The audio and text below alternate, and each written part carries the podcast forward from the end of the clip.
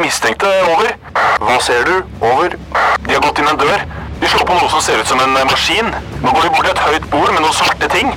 Kan se ut som et våpen. Over. Vent. Får videre instruks. Over. Nei, vent! Det kommer på en rød lampe. Over. Røverradioen. Norsk fengselsradio. Jeg kan ikke ha en mannlig kollega. Det jeg mener er at gutter og jenter ikke soner sammen. Så i dag så skal Røverradioen ha en litt spesiell vri på starten av sendinga. Sånn at jeg kan gjøre noe sammen med det motsatte kjønn. Miss Guinevere, det er meg. Og nå står en fra Oslo fengsel klar for å åpne sendinga sammen med meg. Noah, kan du høre meg? Hallo, Miss Guinevere. Klart jeg kan høre deg. Det er eh, helt herlig å kunne jobbe med deg. Det er jo ikke akkurat vanlig for oss å jobbe på denne måten, så jeg gleder meg over hele sendinga. For du nå, du står jo faktisk i Oslo fengsel, og jeg står på Bredtvet. Vi står på samme side av byen, men på forskjellige steder. Vi skal sammen guide deg gjennom sendinga. I dag får vi besøk av Sofie Haugan, som eh, blir kalt røverdatter på grunnlag av sin far, som har vært rusmisbruker i mange år ut og inn av fengsel. Hun jobber med å få et bedre forhold til sin far gjennom en dokumentar som har premiere på kino for øyeblikket. Og så skal vi bli kjent med en ny røver her fra Bredtvet. Skal vi bare kjøre røvertid, eller? Yes, baby, vi kjører røvertid.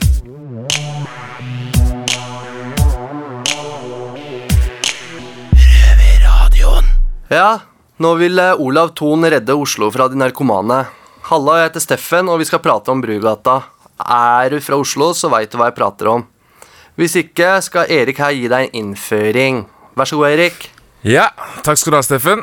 Eh, Brugata er jo nå det området, eller er en gate som ligger eh, på langs med Gunerius, som er et senter, eh, kjøpesenter i sentrum.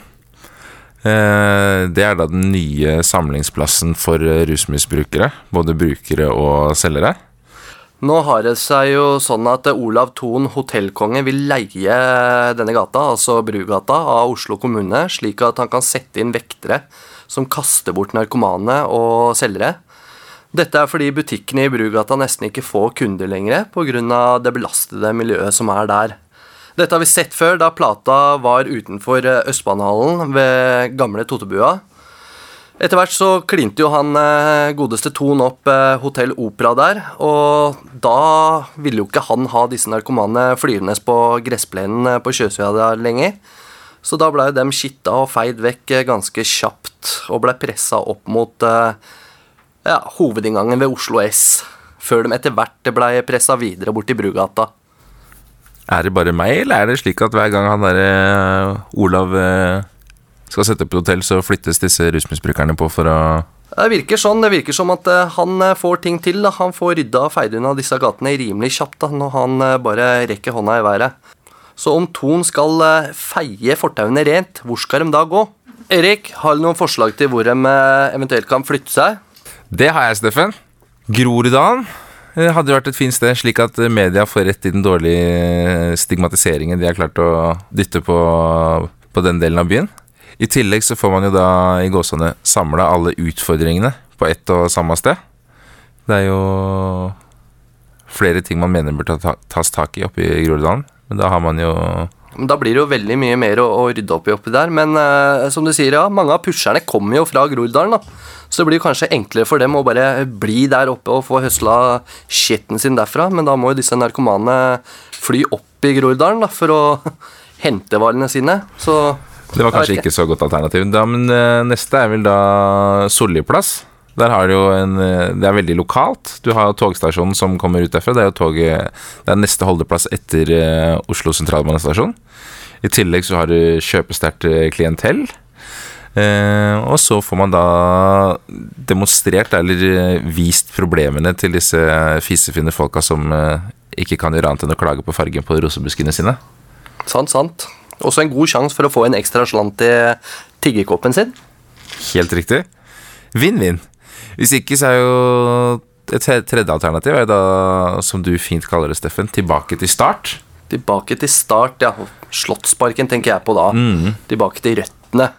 Der hvor det hele starta på slutten av 60-70-tallet med hasjrøyking og litt speed. Og det er ganske sikkert eh, Er det ett sted, eller én tomt, som Olav Thon ikke klarer å kjøpe opp, så er det noe eiendom i Slottsparken. Så der får han ikke dytta de noe videre vekk derfra, i hvert fall. Nei, Det blir vanskelig å slå opp et hotell i hagen eh, til sjølveste kongen. Men der oppe er det jo også fint og koselig. Du har jo gress og trær og gode liggeplasser å lapse ut på. Så ja. Vi stemmer for tilbake til start i Slottsparken.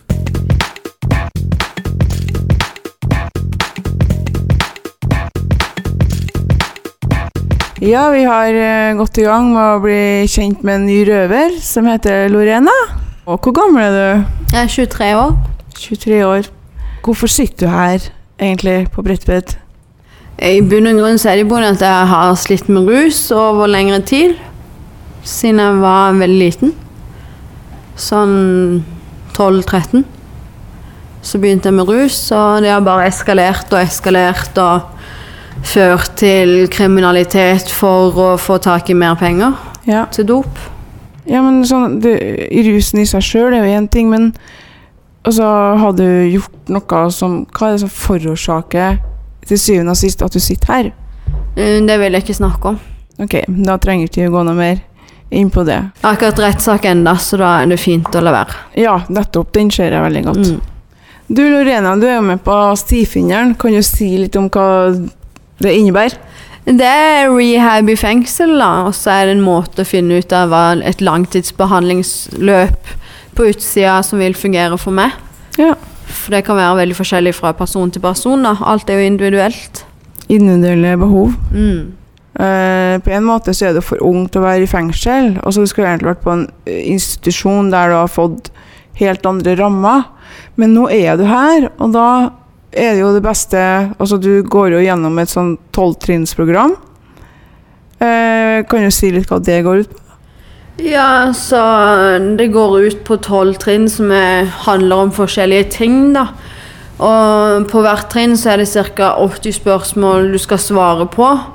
Og da må du gå veldig inn i det sjøl, og når du svarer på dette, og det det får deg til å tenke mye på det, både når du holder på med det, Ja. og når du ikke holder på med det, da. Og så deler du dette her med en person som du stoler på av hele, av hele deg. Og det skal jo være en person som er fullt av kjærlighet, og som kan møte deg på områder hvor du ikke helt klarer å møte deg sjøl med kjærlighet. da. Ja, nettopp. Og det har gitt meg veldig mye. Og faktisk i helga så ble jeg ferdig med alle de tolv trinnene for første gang i mitt liv. Ja. Så det å bli kjent med seg sjøl og være ærlig med seg sjøl når man svarer på dette, det er veldig tøft. Det er veldig vanskelig. Ja, Men så hjelper det meg også, for kan jeg være ærlig når jeg skriver det, så kan jeg også være ærlig med andre. Og det betyr veldig mye. I hvert fall når livet mitt har gått ut på lyve best, manipulere mest, få viljen min, og hva enn jeg måtte gjøre for å få til for viljen min. Det var jo lyve, det var jo stjele, Ja, det var jo er manipulere. Nettopp. Sånn at man øh, Når man kommer i fengsel, så begynner de fleste å tenke annerledes. Mm. Øh, Har du et bedre utgangspunkt enn mange andre, tror du, til å kan klare deg når du kommer ut herfra? Jeg tror det at jeg er så ung kan hjelpe meg ganske mye. Og det at jeg har kommet en At jeg kommer fra en veldig ressurssterk familie som vil være der for meg så lenge jeg holder meg rusfri. Og jeg har heldigvis klart å beholde hodet mitt sånn passe greit, i hvert fall, selv om jeg har rusa meg ganske hardt. Ja. Og så har jo mye forandra seg for meg når jeg har fått blitt kjent med meg sjøl og jobba med meg sjøl med rusmestring her inne og funnet ut av ting jeg ikke har funnet ut av før. Og det å være inne får man også til å tenke mye mer på familie og hva man egentlig har sløst bort livet sitt på. ja, ikke sant? Eh, jeg lurer også på om, om du har noen planer til du kommer ut. Har du noen sånn bankersplan? Mm, ja. Jeg skal trene mye, og jeg skal gå på skole, forhåpentligvis. Hva med nettverket ditt? Ja, jeg må bare kutte ut det gamle nettverket mitt. Ja. Tvert. Klarer du det? Er du motivert? Jeg er motivert til det. Det blir ikke lett, men at jeg må gjøre det, det, det må jeg. Så du vet at eh, det kan lønne seg i det lange løp og få brukt eh, de gode ressursene man har, man sitter inne med. Ja, og jeg vet 100% sikkert at hvis jeg ikke gjør det, så er jeg tilbake i den gamle rølpa igjen innen en time jeg kommer hjem. Mm. Ja, det skal virkelig bli spennende å høre mer fra deg, og velkommen til Røverradioen. Tusen takk.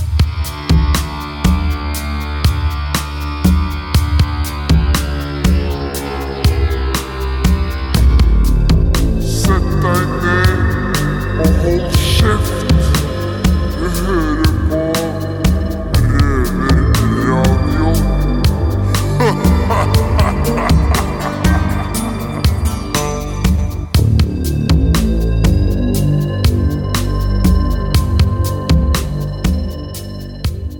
Vi klager jo mye over eh, hvor kjipt og jævlig det er å sitte i fengsel. Men fins det noen som har det verre enn oss? Jeg heter Erik og står her med Steffen. Hallo. Og i dag har vi med oss Sofia Haugan, dokumentarskaper av Røverdatter. Velkommen. Takk, det er veldig kult å være her. Hyggelig å ha deg her. Eh, Dette er jo ikke første gang du har hatt noe med fengsel å gjøre.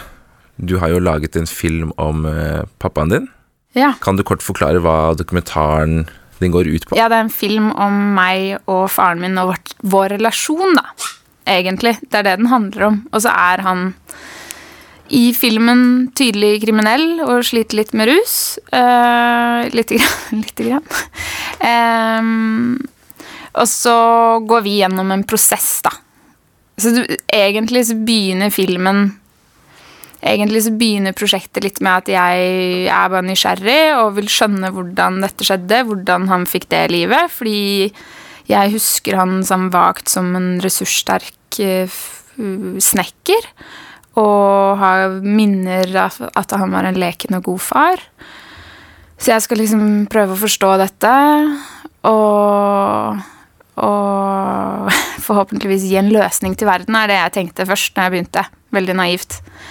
Men så blir prosjektet utvikler seg sånn at jeg blir mer og mer sånn pårørende, da. Vi fikk jo litt blandede følelser. Vi fikk jo litt dårlig samvittighet da vi så dokumentaren også.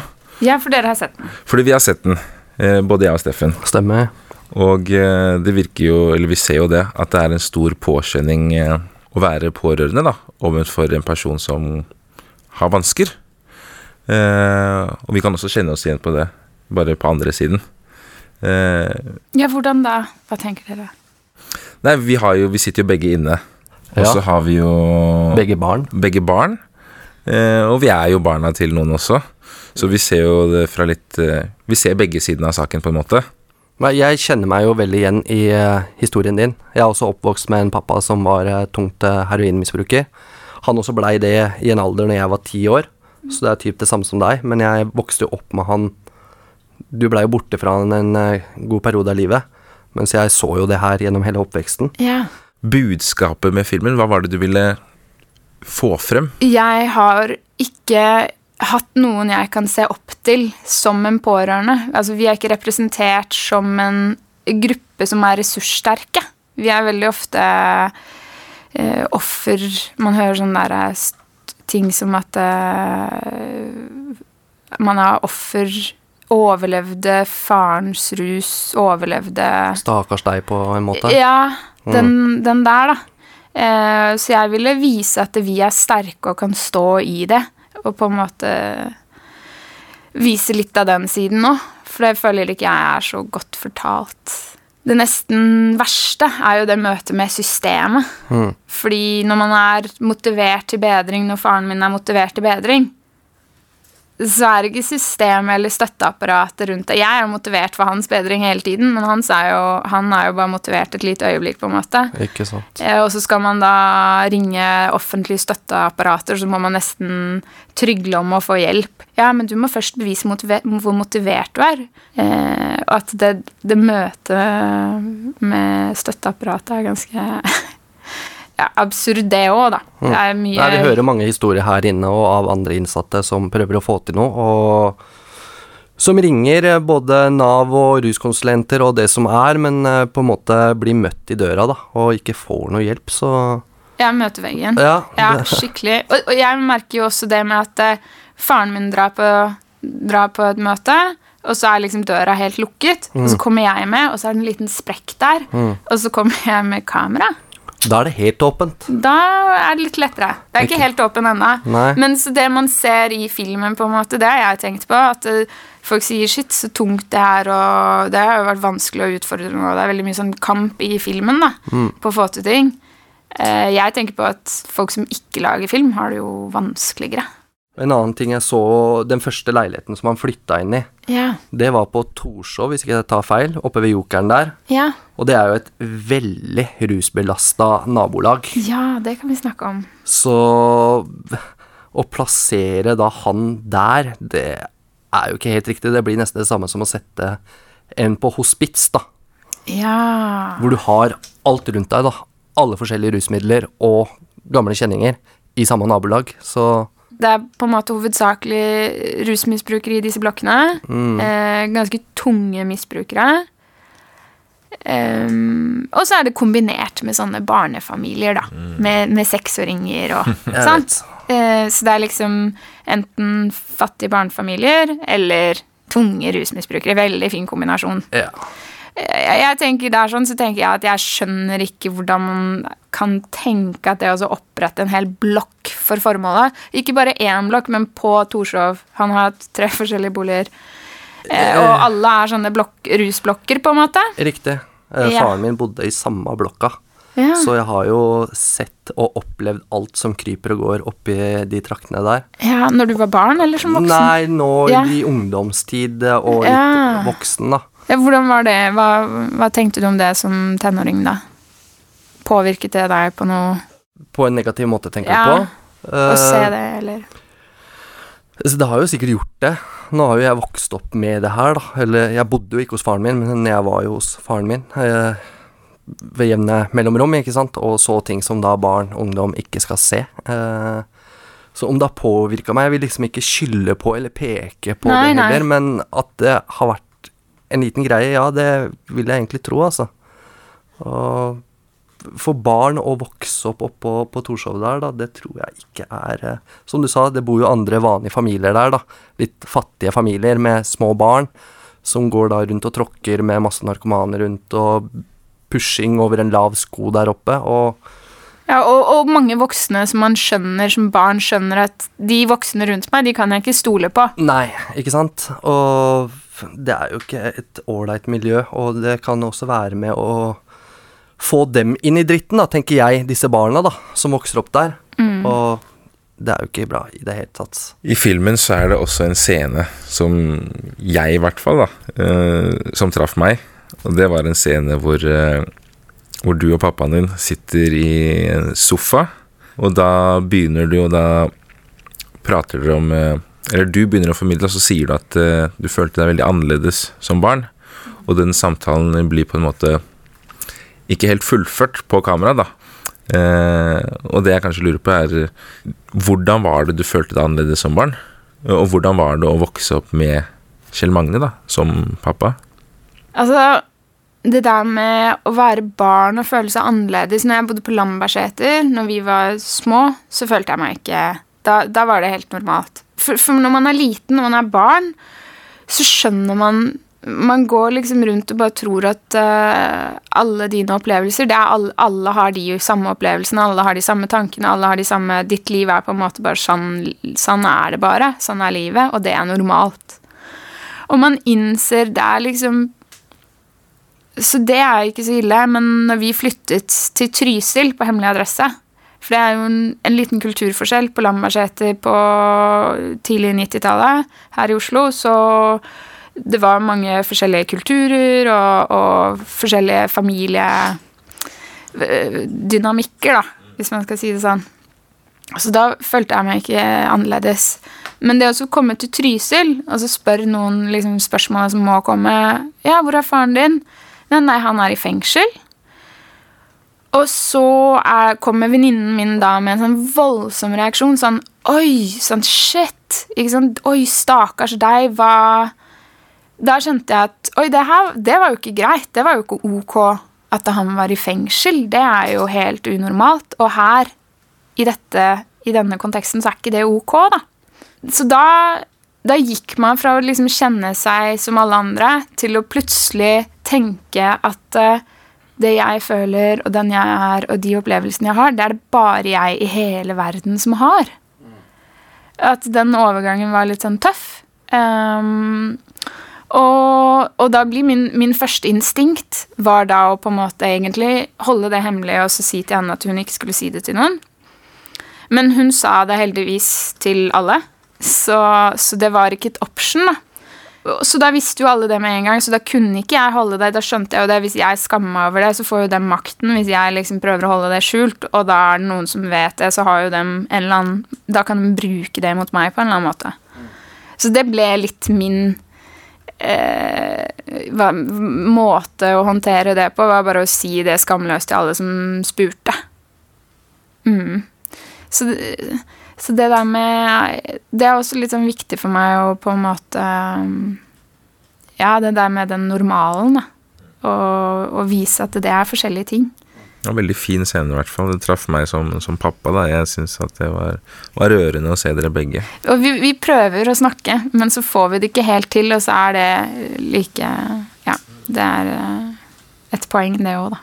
Har du en oppfordring til eh, fedre eller mødre som eh, sitter inne i fengsel og hører på, og som ønsker å få bedre kontakt med tapt familie? Ja, faren min ringte meg jo bare, da. Det funka jo for han.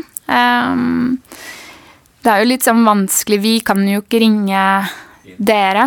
Eh, og det kan jo være litt tungt for barn. Eh, at eh, det er liksom Ja ringe kriminalomsorgen og si nei, du må bare Du kan jo sende et brev og så vente to uker, så får du Ja, men jeg vil snakke med pappaen eller mammaen min nå. Både Steffen og jeg er jo pappaer, og som du ser så sitter vi jo begge inne i fengsel. Ja. Har du noen råd til oss? Ja, jeg har jo Jeg har jo fått et ganske godt forhold til faren min, og jeg føler Jeg har vært veldig heldig. Eh, mamma har jo aldri Mamma har aldri demonisert han på noe vis. Eh, hun har alltid bare sagt at han er syk, og at eh, han er veldig glad i meg. Så jeg har liksom ikke kjent på den som jeg tror mange opplever, den valgte rusen framfor barna eh, type tingen som man snakker om, da. Og så føler jeg at faren min er veldig stolt av meg. Eh, og at han har sånn sinnssyk tillit til hva jeg kan oppnå, og at jeg klarer alt jeg Og jeg tror det er på en måte den viktigste tingen foreldre kan gjøre, er jo bare å Det er et eller annet med Man snakker jo litt om den der prestasjonsjaget i tiden. Eh, og jeg har bare Uansett hva jeg har valgt eller gjort, så har jeg bare fått lov til det. Å leke meg frem og finne min vei, og så har den bare hatt syk troen. da. Jeg tror det som, altså Barn tilgir veldig mye hvis man føler at den kjærligheten og den tilliten og troen på dem er der. Til alle dere som ikke har eh, fått sett dokumentaren enda, så anbefales den på det sterkeste. Sofie Haugan, tusen takk for at du ville komme hit til Røverradioen i dag og dele historien din med oss. Tusen takk for meg. Det har vært kjempegøy å være her. Hyggelig å ha deg her.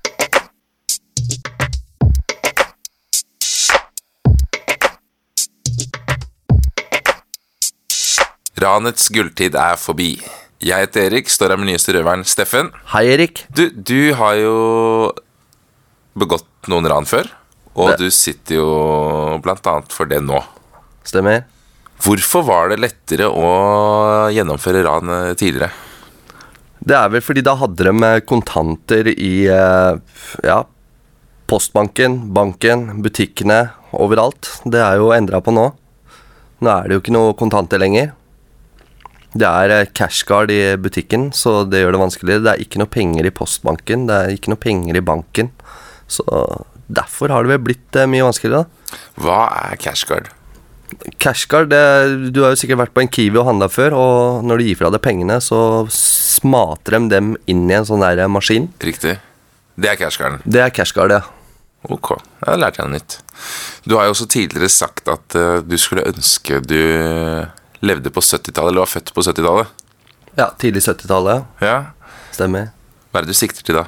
Nei, da hadde man jo vært en del av eh, 90-tallet, eller slutten av 80-90-tallsbølgen. Da var det jo en eh, ransbølge her i Oslo. Av eh, pengetransporter og Ja, det var mye enklere. Det var ikke GPS på koffertene og Ja, det var mye enklere, da. Og nå, hvis man skulle gjennomført et ran nå, hva, det, hva slags forhåndsregler er det man må ta da? Siden det er blitt så vanskelig å gjennomføre det nå, mener jeg. Jeg tror ikke jeg har sett et uh, hva skal jeg si, verditransportran uh, siden 2011 eller noe sånt, jeg, her i Oslos gater.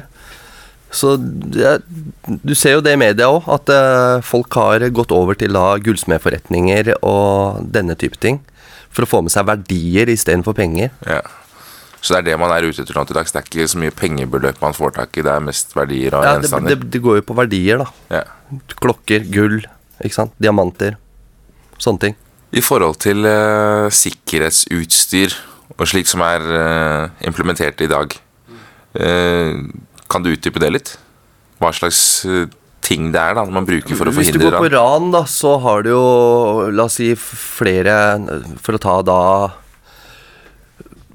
Steder hvor det er verdier, da. Hvor du har f.eks. Eh, klokker, gull, eh, dyre smykker, da. Så har de eh, installert da en sånn dobbeltdør. Så du kommer inn, så skal de da se deg før de bøsser deg, bøsser deg gjennom til neste dør. Og hvis du da står der med en finlandshette og en pistol i hånda, så blir du jo da låst imellom de dørene, da. Og dette er jo da uknuselige dører, så da blir du stående der da, til politiet kommer og plukker deg opp. Har det skjedd med deg? Det har ikke skjedd meg, men eh, man veit jo at dette eksisterer. Ja. og hvis du går på sjokkbrekk igjen da, av f.eks. for eksempel da gullsmedforretninger igjen, da. La meg bare stanse der. Det er ikke alle her som vet hva et sjokkbrekk er. Kan du utdype det også? Et sjokkbrekk, det er eh, at du tar en kjappe etter stengetid. eh, gjerne har en stjålet bil, selvfølgelig, og rygger den da gjennom vindu eller eh, døra. Liksom går til angrep på hele kjappa. Og da er jo døra åpen, eller vindu åpent, så da er det jo bare å løpe inn og, ta med det du skal ha med. Ja. Men eh, der har de jo også sikra seg med da de der røyke hva skal jeg si, granatene eller sånn inne i butikken, da, så det bare fyller seg jo med røyk. Du ser jo ikke en halvmeter foran deg engang, så da blir det jo veldig vanskelig å plukke med seg ting, da. Når du ikke ser hva du tar engang, så mm. Det fyller seg så tett opp at du faktisk ikke Ja, kan se det. hvor du Det gjør det. Og GPS og sånn, da? GPS, hva tenker du på da? GPS, er det noe sånn eh, Pengetransport, eksempel. Der er det GPS-signaler i Jo, de har jo de der eh, berømte koffertene sine med da GPS og fargepatroner og Det er ikke bare bare å åpne den, ikke sant. Åpner du den, så sprenger du da en sånn eh, fargepatron og ødelegger eh, hele innholdet. Og du skal jo kjøre av gårde med den kofferten her òg, og når den da har en eh, GPS-peiler i seg, da, så er det jo veldig lett for politiet å bare følge det sporet. Ja. Så Nei, det er ikke så lett eh, nå lenger. Der hører dere, folkens. Det var eh, lettere å rane før. Men det er jo bare bra for samfunnet at det, ting har strammet seg mer inn.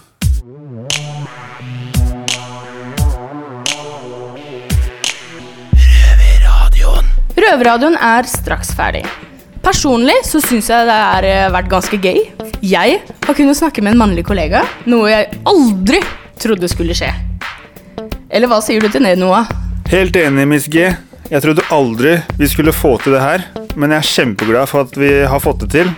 Er det noe du sitter igjen med som du føler at du skulle liksom fortalt litt om? Om du kanskje har blitt inspirert av noe som har blitt sagt, eller Hva tenker du? Jeg tenker det er ikke bare bare å være en datter og ha en rusmisbruker som far. Den innsatsen hun har gjort for å få gjennom følelsene sine og det arbeidet hun har lagt i det, syns jeg er helt fantastisk. Hvor er det du kan høre Røverradioen? Der du finner podkast akkurat når du vil, så lenge du har kobla opp på internett. Ellers finner du oss på Radio Nova på fredager klokka seks, eller på NRK P2 på lørdager halv to. Så si meg noe. Hva er det du skal gjøre etter at vi har sagt farvel nå? Jeg skal på cella mi, så skal jeg sone hardt, som vanlig. Du får høre på Røverradioen, da. Kanskje hjelper. Kanskje det? Men vi ønsker i hvert fall eh, lykke til med det, og da gjenstår det egentlig for oss å si eh, ha det bra. Så ha det bra! Ha det! Det har vært stille fra over en time. Hva skjer? Over. Det er bare et radioprogram. Det er lettere å høre på dem der. Over. Ja, vet du når det går, da? Over. Det er samme tid og samme sted neste uke. Over.